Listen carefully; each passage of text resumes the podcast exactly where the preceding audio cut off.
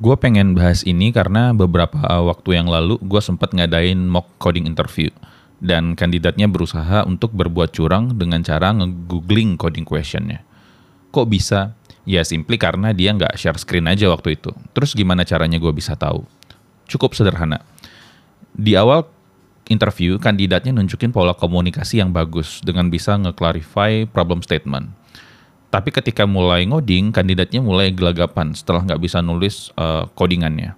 Terus seperti biasa yang terjadi adalah sunyi senyap walaupun udah banyak clue yang gue coba kasih.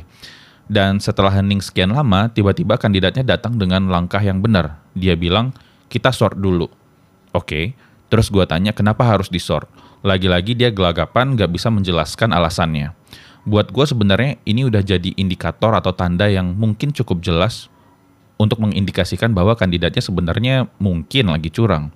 Tapi untungnya di akhir sesi mock interview dia ngaku bahwa tadi dia sempat googling walaupun pada akhirnya tetap nggak bisa ngasih solusi dan solve problemnya. Pesan moral pertama, jangan curang.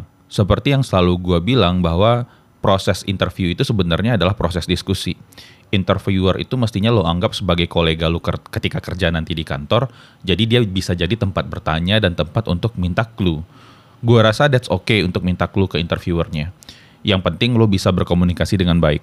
Lo bisa menyampaikan apa yang ada di pikiran, solusinya seperti apa, atau kalau lo punya permasalahan atau keraguan, ya lo juga mesti bisa menyampaikannya, supaya interviewernya paham dan bisa bantu lo ke arah yang lebih baik. Hal-hal serupa sebenarnya juga terjadi di kampus gue waktu gue S2. Tapi modusnya sedikit berbeda, dan gue boleh bilang bahwa ini lebih terorganisir gue pernah diceritain oleh salah seorang teman uh, tentang cara mereka curang ketika interview.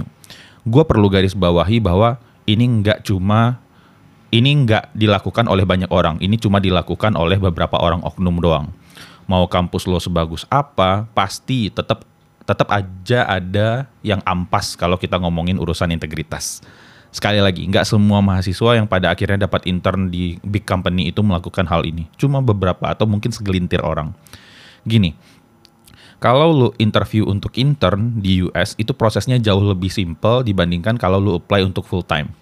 Kalau lu apply untuk full time, lu akan dapat uh, dua phone call interview dan setelah lu lulus, lu nanti akan dipanggil ke kantornya untuk melakukan on-site interview seharian. Biasanya uh, kalau full time itu bisa 4 sampai 6 kali interview.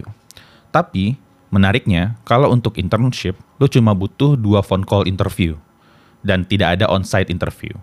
Tapi kalau lu berhasil dapat intern dan lu perform bagus, lu punya chance yang mungkin bisa gue bilang cukup besar untuk nanti di convert jadi full time employee setelah selesai internship. Makanya di US orang tuh berlomba-lomba banget biar bisa dapat intern di big company karena ya jadinya relatif lebih gampang kalau mau di convert jadi full time. Oke, okay, karena phone interview bukan video call interview, lu cuma akan butuh HP, headset, dan laptop interviewernya nanti akan nelpon ke HP dan share link Google Docs atau text editor lain. Jadi interviewernya nggak bisa ngelihat wajah lo. Dia cuma bisa ngedengar suara dan lihat apa yang nanti lo ketik di text editor. Nah, biasanya modus curangnya kayak gini.